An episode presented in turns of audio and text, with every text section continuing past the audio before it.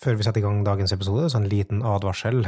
Eh, Det er litt redusert kvalitet på ene lydsporet på den podkastepisoden her, der eh, mikrofonen til lyden min er på grensa til problematisk å høre, men vi tenkte det var greit å eh, ha episoden likevel enn å stå over ei uke. Så det er absolutt ingen sin skyld, i hvert fall ikke min, men jeg håper folk får noe ut av episoden likevel.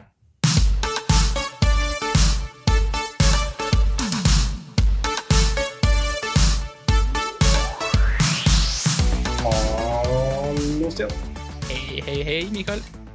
Står det, står det. Du takker meg bra, du. Jeg kjenner godt til Knutsen og Ludvigsen. Er du, fan? Har du vokst opp med det, jeg som, eh, som sikkert veldig mange andre har, da? Ja, men spesielt fordi at du er vel av trøndersk æt, som de sier. Trøndersk herkomst, ja. Ja, Jo, jo. Pluss at eh, jeg har jo hatt mine runder på det runde røde i, Trondheim, så det var der Knutsen Ludvigsen fikk sin start òg. Ja det med jeg. At Mm. eh, siden du er av trøndersk æt, så Ja. har du fått det inn via morsmelka, skulle jeg si, men det Ja, var jo for faren din, så det var Og så går vi videre Ja. til neste tema, tenker jeg. uh, nei, skal jeg være helt ærlig, så Mhm. har jeg egentlig fra oppveksten ikke noe forhold til Knutsen Ludvigsen. Det var først når jeg var tilfeldigvis innom eh, Rockheim eh, for et par år siden, når de hadde fått utstillinga si der. At ja. de på en måte innså hva stor Knutsen og Ludvigsen er for mange i Norge. da. Det er litt snodig, for sånn, når jeg vokste opp, så var det sånn Det var, det var barnesangene, liksom. Ja.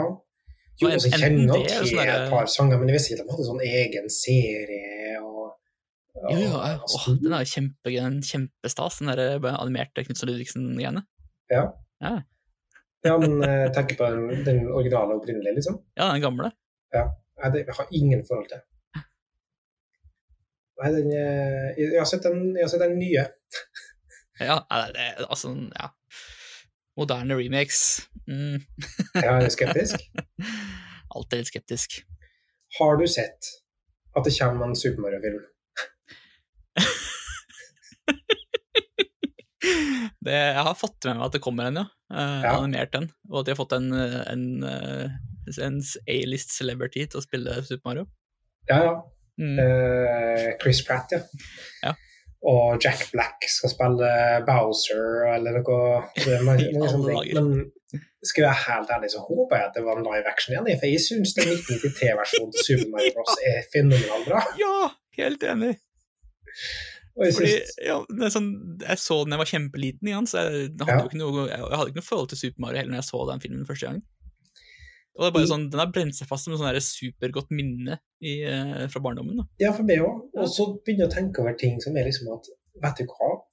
hva filmskapere eller filmstudioer i 2020 er feginger.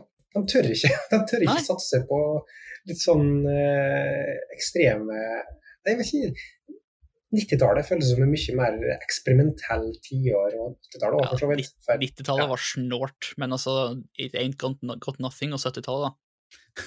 Nei, det er for så vidt sant. Man har tapt mer tid, der, kanskje, føler jeg, enn Mm. en, ja, jeg vet ikke. Men, men Den digitale alderen og alt det der. Ja, sannsynligvis så er egentlig 2020 så er det mye eksperimentelle formater sånn som foregår, bare at ikke vi ser tilbake, eller ser på dem med samme nostalgiske blikk. Ja, det er sant. Og så er det sikkert noe med at eh, sånn volumet er så mye større nå. Ja. Det er vanskelig å få med seg hvis ikke man er inni det. Ja, absolutt. Eh, og, men det er litt interessant da, på en måte, hva gjør du når du skal anbefale en film til noen? Tar du utgangspunkt i hva som du syns er best? Oi. Ja, altså, jeg, jeg, tror jeg, jeg tror jeg bare ville på en måte Det, det finnes to varianter av det her, da. Det ene er Ja. eh, kan, kan du anbefale meg en film du tror, du tror jeg liker? Ja. Og kan du anbefale meg en film som du liker? Ja, for at det at du liker noe, betyr ikke sånn som at jeg liker noe. Nei. Sant? Og Så er det noen noen folk som, eh, som Ja. liker å følge sånne recommendations fordi det, på en måte, det Da kan hende at de får noe utenfor sin komfortsone, på en måte. Ja, det er interessant, da. Eh, Og det er litt sånn relaterbart til teknologivalg òg, tenker jeg. Og Det er definitivt. Ja. Skal vi snakke litt om det, eller? Det syns jeg vi skal gjøre.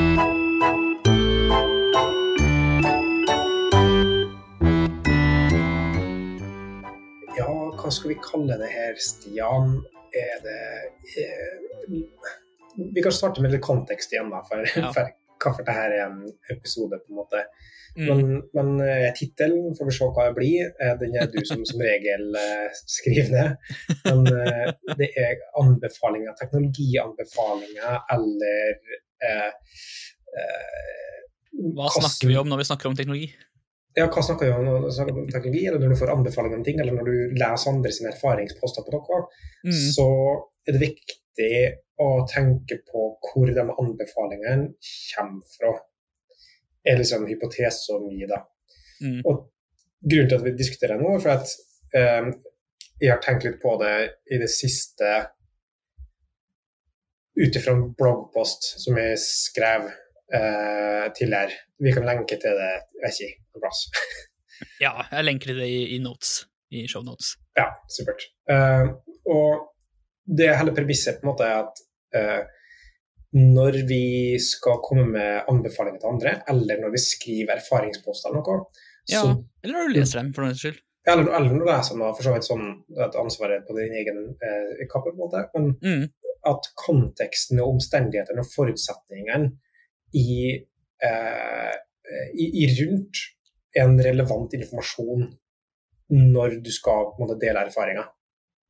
Ja, og ja, liksom at du, du får med alle de faktorene som spiller inn i avgjørelsen din, da. Ja. Sånn at, sånn, at du ikke bare sier ja, nei, vi valgte dette her fordi det var best, og så sier du ingenting om hva best var. Best, best på hvordan måte Ja, eh, ikke sant? Ja. Uh, jeg kan starte liksom med, med å si den analogien som, som fikk meg helt til å tenke på, eller som Ja. trigga på en måte tankerekka for min del. da. Og, øh, og, og pluss at jeg lyst til å snakke mer om skjeggvekst. Men det var en gang altså, det, var, eh, det begynner å bli noen år siden nå, da, så jeg har faktisk enda mer begrell enn det nå, skjeggveksten min. Men sånn eh, bare Toalettmappa mi ble stjålet på en eller annen måte på et tog. Det var noe som gikk inn i kofferten min, og så tok toalettmappa mi. Men sånn, eh, eh, liksom? Eh, absurde ting å stjele, men du visste kanskje ikke at det var en, en toalettmappa. For alt de visste, så kunne det være en mappe med gullbarer. Jeg. I alle dager. Eh, ja, det var, det var den tida jeg tok tog etter Nazi-Tyskland eh, i en Indiana Jones-film, tydeligvis. Um, nei, men Hos stedet så skulle vi ha en ny barbemaskin, så vi har vi fått, fått tak i en barbemaskin. Og så kom svogeren min og han liksom at nei, barbemaskinen er ikke noe test, den, den funker ikke, liksom. Uh, og, men for min del så er det den funka helt utmerket, og jeg har hatt den nå i Mm. sju-åtte år, og den har vært kjempefin. Så i utgangspunktet var på en måte rådet han ga dårlig? Uh, nei, egentlig ikke. For hvis en ser på forutsetningene rammene rundt hvordan i situasjonen er, så er eh, svogeren min en, en, en, hva skal vi kalle det, en, en skjeggete en skjeggete kiss. eh, du vet sånn som i gamle dager, på 97-98-sesongen av Manchester United med Ryan Giggs på banen, Ja, så ja. starta han ofte glattbarbert i starten av kampen, og i løpet av kampen og halvveis så måtte han barbere seg på nytt, liksom. ja, ja. Eh, sånn føler jeg at eh, mine er. Så at Ja. har mye skjegg, mens de har eh, til gode for å barbere meg på kinna, for der har det ikke vokst noe noen gang. Nei. Så det er klart at vi har helt forskjellige forutsetninger om hva som er en god barbermaskin, og da kan vi i større grad velge noe som er en mer økonomisk eh, en økonomisk eh, eh, maskin, fordi at jeg har andre behov i det som det kommer til det Ja. valget. Eller du kunne på en måte valgt en helt annen eh, barberingsmetode òg. Du kunne jo valgt å ikke gå for maskin, men kunne gått for høvel, eksempel. Ja. Uh, ja, sant. Så, så, men det, var, det kan være et godt råd, gitt at du Mm. har samme forutsetninger. Ja, for liksom- det er jo veldig mange faktorer som spiller inn der. Sånn eh, mengde som deltaen på skjegget ditt i løpet av en dag, hvor ofte du barberer, må barbere deg, eh, hva Ja, som du med delta så tenker vi på stigningsgrad. Den deriverte. ja, altså hvor mye skjegg du genererer i løpet av en dag, da.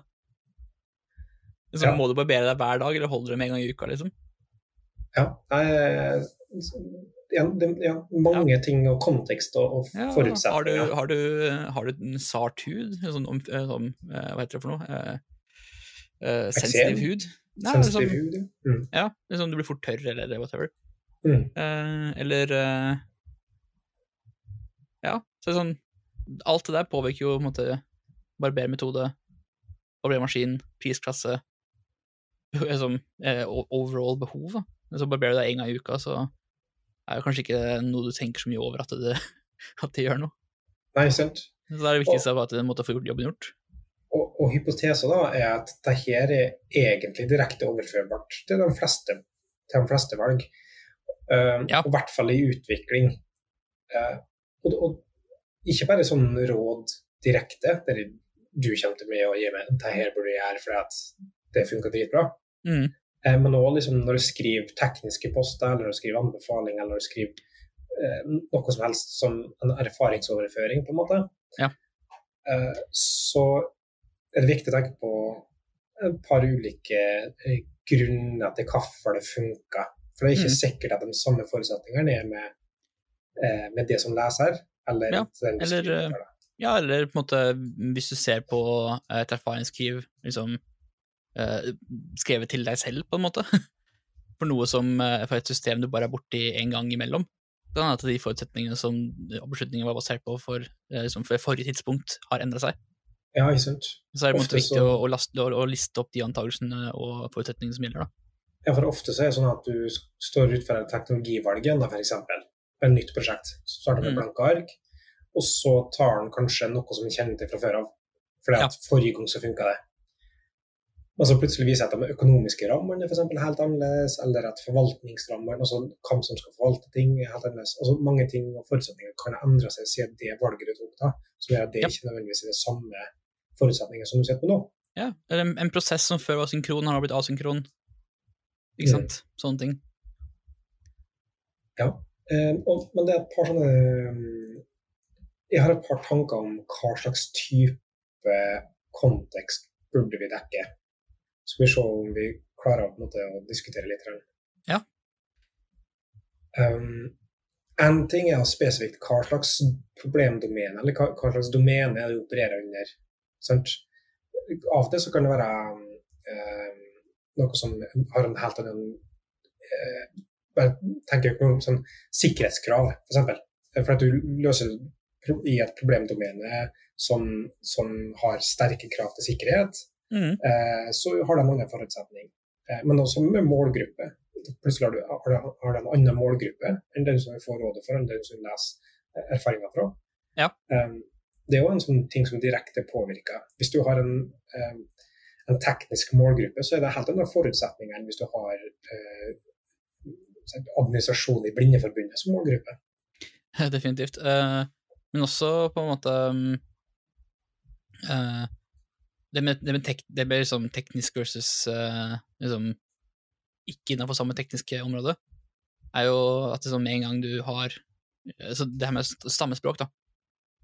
Ja. For du kan, liksom, du kan ta en del, eh, en del eh, en del ting for gitt, eller ta en del sånne snarveier, med en gang du vet at du skriver til noen som eh, er inne i samme problemstillinga som du allerede er inne i Mm. som er ganske vesentlig. Altså, er det, er det liksom, hvis du leser en post da, som er full av teknologisk terminologi som du ikke skjønner noen ting av, så er det jo på en måte verdt å spørre seg om er denne posten egentlig skrevet for meg.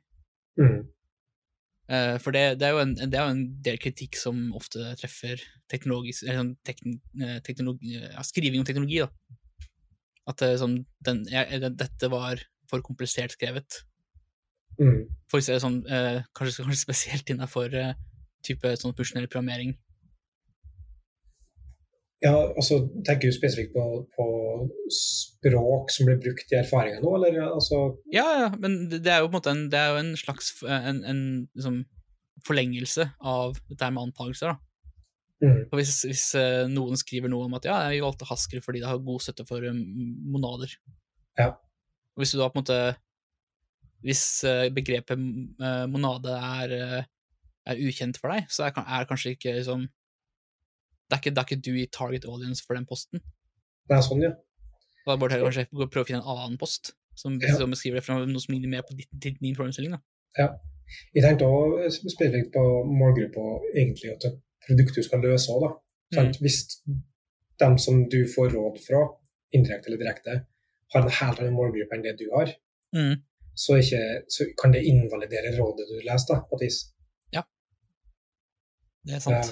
Eh, Og der har du også sånn, eh, den, kanskje den mest klassiske uh, eksempelet der er jo sånn uh, innenfor uh, skala. Ja. Ikke programmeringsspråket skala, men liksom skala som i størrelse. ja. Scale. Scale, ja. You got the scale. Ja, men det er sånn eh, For liksom, når noen som uh, driver et system eller en organisasjon som er liksom, enormt stor, kommer med et råd, så Så ja. er på en måte størrelsen en vesentlig del av det rådet. Liksom fordi de er nødt til, de er nødt, For det første er nødt til å angripe problemet fordi de er så store. Og de er også Mm. nødt til å løse det på en veldig spesiell måte fordi de er så store. Mm. Men det er på en måte ikke direkte overførbart antageligvis til den konteksten du sitter i, for det er, liksom, det er veldig få som er så store. Ja, ikke sant. Og så er det en sånn automatisk nesten eh, nesten svakhet der i utgangspunktet. For at når organisasjonen er så stor at du trenger så store, komplekse løsninger, så har du òg så mange folk som jobber der, som er også så engasjert i ting, som gjør at du òg får så mange eh, poster eller råd og erfaringer om det, Mm. Som gjør at det virker som en mer prekær løsning enn det egentlig er. På grunn av at du ser det som en mengde, eh, mengdepostsetting.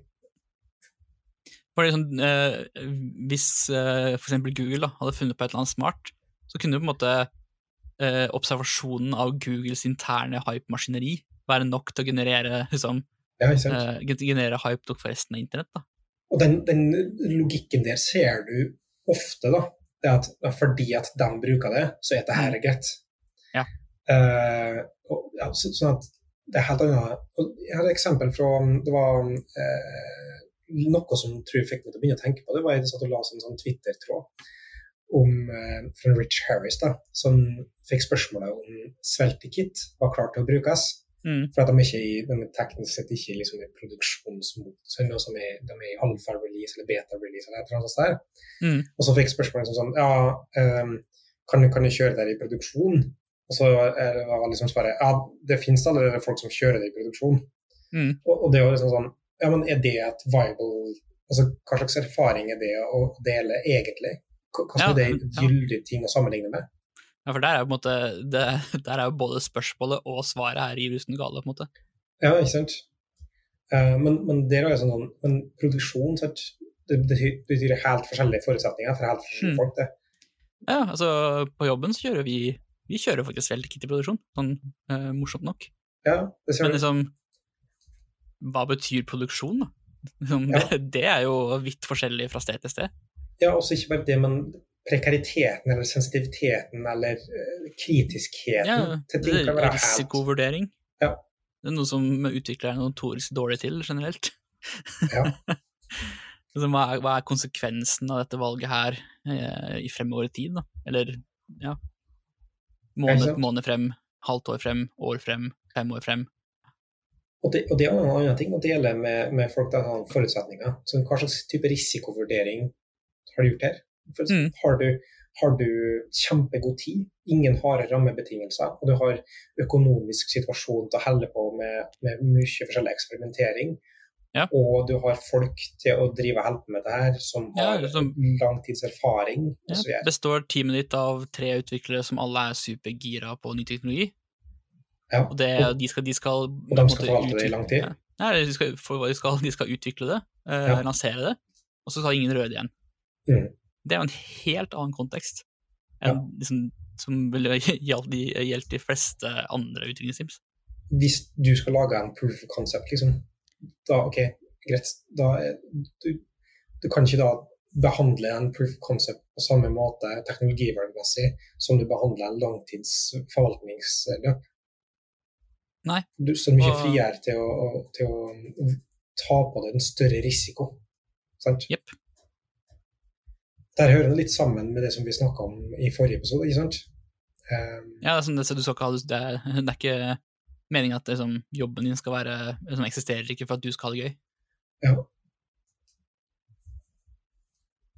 Så det er sånn, ja, det er det samme, da. At eh, så når du velger teknologi, så skal du ikke velge teknologi fordi det er gøy å prøve det ut, hvis, liksom, hvis eh, risikoparameterne ikke tillater det. Ja. Og det er altså, det, det er forskjell på ting som du løser i praksis, eh, Ja. og, og hva, hva En annen ting og Vi drev og diskuterte dette her med en, en designer. Eh, om ikke noen teknologivalg, men, men da at det samme prinsippet gjelder i utgangspunktet for design. For folk blir så opphengt i det ideologiske designprosesser eh, og gir råd ut ifra ideologien, på en måte. Ut, som kanskje ofte eh, er, har andre forutsetninger enn det den spesifikke situasjonen som du står utenfor har. Så du glemmer å applye på en måte real world situations inn i de rådene som du får som er gitt fra en ideell situasjon.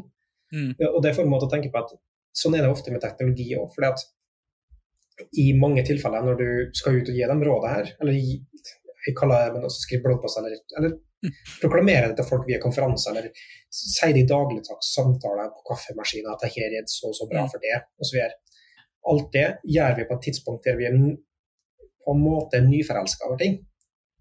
Enten, enten så har vi nettopp begynt å sette avkastning på en investering som vi har brukt mye tid på, som gjør at vi justifiserer det for oss sjøl, Mm. eller så har vi nettopp starta med noe i utgangspunktet som gjør at det, det er bare glansbildet du ser. Uh, eller så er det uh, ett år ned i tid, og du fortsatt driver på samme greia, og du begynner å eh, få det litt under huet og sånne ting. Uh, så når du da er ferdig med noe, eller når noe er meh og ikke Mm. så viktig lenger, så tar du ikke en ny råd og gir liksom sånn Dette her funka ikke nødvendigvis for oss. Så enten så er du så investert i at du, du fortsetter å slå på stortromma med, med lovord, eller så blir det alltid snakka om på samme måte.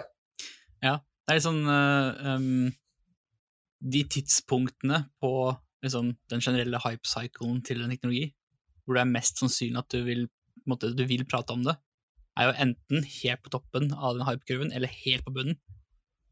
Når du har på en måte nådd det punktet hvor liksom, det her, her nå, nå bare bruker vi det, nå er det måte, vi er produktive, det er liksom, det her er This is spread.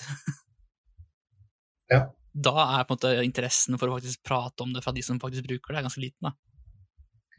Så er sånn, Ja. da, får man jo, da får man jo fort en sånn derre eh, Veldig sånn sort-hvitt eh, tilnærming til det å prate om teknologi. Som er som et interessant fenomen i seg sjøl, men det er jo også noe å ha i bakhodet når, du- når du både konsumerer eh, den, typen eh, rådgivning og innhold, men også liksom, når du skal når du skal forfekte teknologi på, på egne vegne også. Mm. Altså, hvor, hvor på hypeskalaen er jeg nå? Ja, og men det blir vanskelig da, sant? når du skal gi Ja. råd på en måte òg. For det er sånn, I hva stor grad når, kassen skal ta avgjørelser? da? Hvis du ikke, hvis ikke heller å si Google bruker det i produksjon, Ja. så, det, så derfor kan vi gjøre det. Jeg, jeg tror kanskje noe, noe av det der stemmer liksom litt ifra behovet for å eh, på en måte For å appellere til ekstern validering, da. Og i aller høyeste grad. Det skjer Ja. ofte at uh, hvis, du har en, hvis, du, hvis du i teamet da, har en sånn intern, uh, intern diskusjon og, og kommer med resonnement og, og meninger som, som kanskje er vel uh, fundamentert, på en måte, så bærer det mindre vekt enn hvis du finner en tilfeldig person som er enig med deg på internett. Ja, altså enda, enda bedre hvis den personen har et visst rykte på seg, eller er kjent blant de du prøver å snakke til. Ja, Det kommer også videre på med sånn den eh, Det at råd som du får, er proporsjonalt eh, vekt med antall followers på Twitter. det burde ikke ha noe å si, men uh, altså er det, er det én ting uh, utviklere er glad i, så er det jo sånn vanity metrics. Så Ja. Men det burde ikke ha noe å si, men samtidig så har det det. La oss ha en sånn diskusjonsrunde her på en, som en følge av en norsk uh, utviklingsavis. Eh, kode 24, liksom. ja, det er, det er, ikke, det er ikke så mange velger. Men eh, det var etter en diskusjon om et eller annet råd, og så, videre, og så eh, var det noen som kom med et argumentasjon, og så var det liksom sånn eh, Nei, sånn som det her mener jeg, eh, basert på mine erfaringer. Mm. Og så var liksom oppfølgingsspørsmålet ja, har du noe lenker til dokumentasjon, på en måte. Og, all dokumentasjon var i praksis bare en lenke til et annet bloggpost som også var en meningsytring, men som var da en meningsytring til noen som i hermetegn er en celebrity, Ja. utviklingscelebrity, ikke sant? Mm. Eh, og det er bare vekt.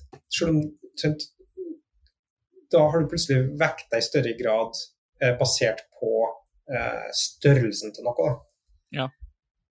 Men kan det kan hende at det her også henger litt sammen med mangelen på formelle metoder innenfor faget vårt? Eh, ja, hva slags formelle metoder skulle vi hatt, da? Nei, men sånn type sånn innenfor um, medisin, da, så har du jo på en måte Du har um, sånne studieteknikker som lar deg verifisere om en medisin fungerer eller ikke fungerer, eventuelt måte hvor bra den fungerer. Noen double blind-studier og sånne ting. Ja, plutselig så fikk jeg sånn slags deja vu med at vi har snakka om det her i forrige episode. Nei, vi har ikke innom akkurat det konkret, da, men Nei, Vi snakker om standardisering eller sånn vekting av forskjellige typer ting i teknologivalg, gjør vi ikke? Ja, jeg burde kanskje det. Men uansett, da. Liksom, fordi vi, fordi vi har jo aldri Vi har ingen sånn, noen formelle metoder for å bevise hvor godt noe fungerer i en gitt kontekst. Og fordi vi ikke har den formelle metoden, så vil vi fort liksom, falle tilbake på uformelle metoder, da. Ja. Eh, eh, det kan ligge noe der, men jeg føler at vi må hente oss tilbake igjen til sakens kjerne i podkasten her. Ja. Det er ikke det, går ikke an å oppsummere det på, på, med tre setninger, på en måte. Altså, Ja. eh, når du leser noe, så måte, vær klar over din egen kontekst, og prøve å, som, prøv å sammenligne den informasjonen du kan få om den konteksten som rolla er gitt i, med din egen kontekst. Ja. Når du skriver noe, husk å legge ved kontekst. Ja, for det føler jeg nøkkelen er bare for det jeg har sagt. Mm. Jeg tror ikke at i, Hvis de skal gi deg et råd, f.eks., så tror Mm. jeg ikke at vi er tjent med at jeg antar hva dine behov er. Nei. Litt sånn som med filmen som vi snakka om, da. At Ja. de skal prøve å anta hva du liker. Det tror jeg ikke jeg kjenner noen. For da har vi hoppa over en del resonnement, og vi har hoppa over en del vi har gjort en del antakelser som sannsynligvis ikke stemmer. Ja. Eh, og jeg kan heller ikke på en måte eh, unngå å gi deg valg hvis, eksempel, hvis du spør meg om råd, eller hvis de har lyst til å gi et råd om det. Så kan du ikke Mm. unngå å gjøre det pga. at konteksten kanskje ikke stemmer. Så jeg Nei, tenker at det altså- beste ja, Nei, bare så lenge du legger ved konteksten, da, sånn at det er mulig for den som mottar rådet, å gjøre en vurdering på, bak, på bakgrunn av sin egen kontekst. Ja, for akkurat det, da, for da ender det opp med at begge to får mer informasjon enn du hadde i utgangspunktet. Ja. Og da kan du sjøl bygge opp den andre til å ta valget i større grad, basert på mer objektiv informasjon, da, på et vis. Og, og så er det jo på en måte Det her er jo noe som eh, Det er vanskelig å få til dette her når eh, samtalen er asynkron. Fordi Mm. sånn, du, skriver, du skriver noe, og så blir det lest liksom, av noen andre på et senere tidspunkt eh, uten at det er en kobling tilbake til deg. Mens for eksempel hvis det her skjer i en samtale, så har man jo, har man jo måte, teknikker for å, eh, for å være utforskende i samtale, på en måte. Ja. For hvis vi snakker om, snakker om filmer, og jeg spør deg om en anbefaling, og, jeg, og du kan spørre meg tilbake hva slags type ting liker du i film? Mm. Uh, likte du denne filmen som inneholdt det og det, det her? Uh, liker du da den filmen her som også inneholdt det, det og det, det der? Liksom, Sånne for en maskinell eh, samtale vi har. ja, fytti gata. det er sånn rett ut av en lærebok. Uh, Ja. for, apropos, jeg tror det her faktisk er eh, Jeg tror det faktisk finnes lærebøker om akkurat det her også. Det, det, føles ut som noe som jeg har plukka opp et eller annet sted på et kurs eller noe. ja, om ikke så kan vi skrive læreboka på det. Nei, det, det, kan vi, det kan vi faktisk ikke, Mikael. Uh... jeg har ja, fortsatt en liksom, Jeg har en drøm om å skrive bok. Kanskje vi skal skrive kortslutningboka? Oppsummering av topp ti konklusjonene. men jeg skal, lage, jeg skal lage en kortslutning av alle kortslutningene. Ja. Ja. meta. Veldig meta. Um, ja. Men sånn, ja, fordi sånn, um, rådene er jo gode uansett, uh, på en måte um, Om man har en samtale mm, to personer, to personer eller flere personer imellom, eller om det er liksom uh, asynkront med liksom, noen leser en bloggpost, noen skriver en bloggpost, så er jo på en måte uh, de samme tipsene gjelder uansett. da, liksom Legg med så mye kontekst som overhodet mulig. Ja. Eh, og det krever jo også at, eh, at man er litt reflektert over hvilke eh, liksom hvilke aspekter av eh, hverdagen sin som spiller inn på de ulike teknologivalgene. liksom har, um, har du et system som er distribuert av natur, så gjelder, så gjelder det måte, så vil det påvirke en hel, en hel del av teknologivalgene du gjør i plattformen din. Mens for eksempel hvis du ikke har et distribuert problem, så forsvinner jo en hel haug med, med, med antakelser og constraints og alt mulig rart. Mm. Liksom, sånn- så, så måtte være litt reflektert over de tingene der, da. Ja, Enig. Eh, bare det starta å se på ting med at i, i, i alle sånne dialoger, som du sier, så har du tosidige forutsetninger. Masse, eh, og, og begge Mm. de to må matche og overlappe. Du trenger ikke å være 100% match for å få noe nyttig ut av eh, erfaringsdelinga. Eh, på men da klarer du i hvert fall å applye det i andre situasjoner der det er mer gjeldende, hvis det ikke gjelder akkurat nå. Da. Ja, og så vil jo den øvelsen eh, antageligvis eh, gi deg en ny innsikt i din egen, eh, din egen hverdag, da. Mm. Så hvis du blir, setter deg ned og faktisk tenker gjennom hvilke deler av dette problemet er det som i størst grad påvirker de, de valgene jeg har gjort, så tipper jeg at det, måte, at det dukker opp noe nytt som du ikke egentlig ikke hadde tenkt over før. Mm. Det tenker jeg får være de kloke siste orda i den utgaven her. I denne debatten. Ja. ja, det er ikke noe debatt engang. Det, det, Eh, Det er sjelden debatt. Ja. Men en dag. En dag, dag. skal vi finne et tema der vi har diametralt eh, Altså helt diametrale meninger. Eller så bare kommer vi frem til at uh, det er konteksten vår som er forskjellig. Så.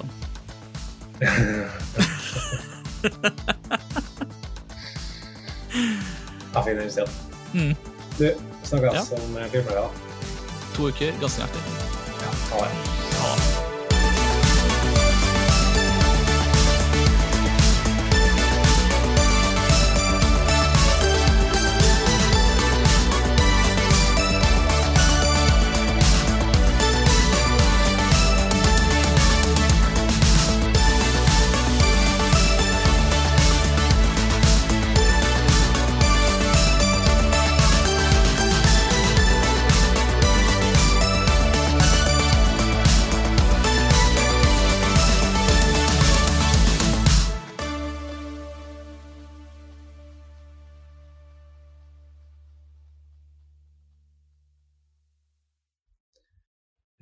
Mm, halv halvmeter mindre over bakken.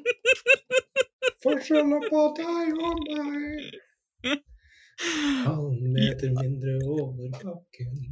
I alle dager, har du sett på, har du sett på barne-TV med junior nå? eller? Leges for meg. Tyggegummi og cola. Følge kjæresten hjem.